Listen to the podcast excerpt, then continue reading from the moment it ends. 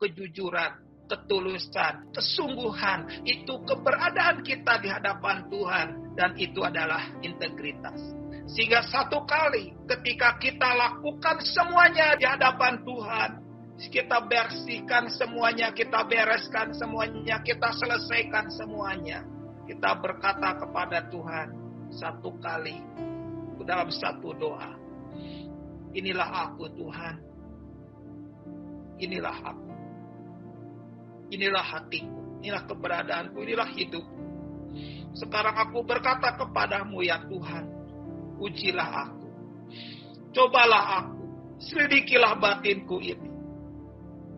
Selidikilah hatiku, teroponglah Tuhan, terangilah bagian mana lagi yang belum selesai, bagian mana lagi yang belum tuntas, bagian mana lagi yang masih menurutmu kotor, bagian mana lagi Tuhan tunjukkan, sebab itu mau aku bereskan di hadapan Tuhan. Dan ujungnya Tuhan berkenan Makanya Tuhan suka kepada Daud bukan karena gak punya banyak salah. Daud banyak salah. Bukan karena Daud gak punya kejahatan. Daud banyak kejahatan. Tapi Daud tahu bagaimana hidup dalam ketulusan. Sehingga dia berkata, ujilah aku, cobalah aku, selidikilah batinku dan hatiku. Dan Tuhan berkata, aku suka sama kamu.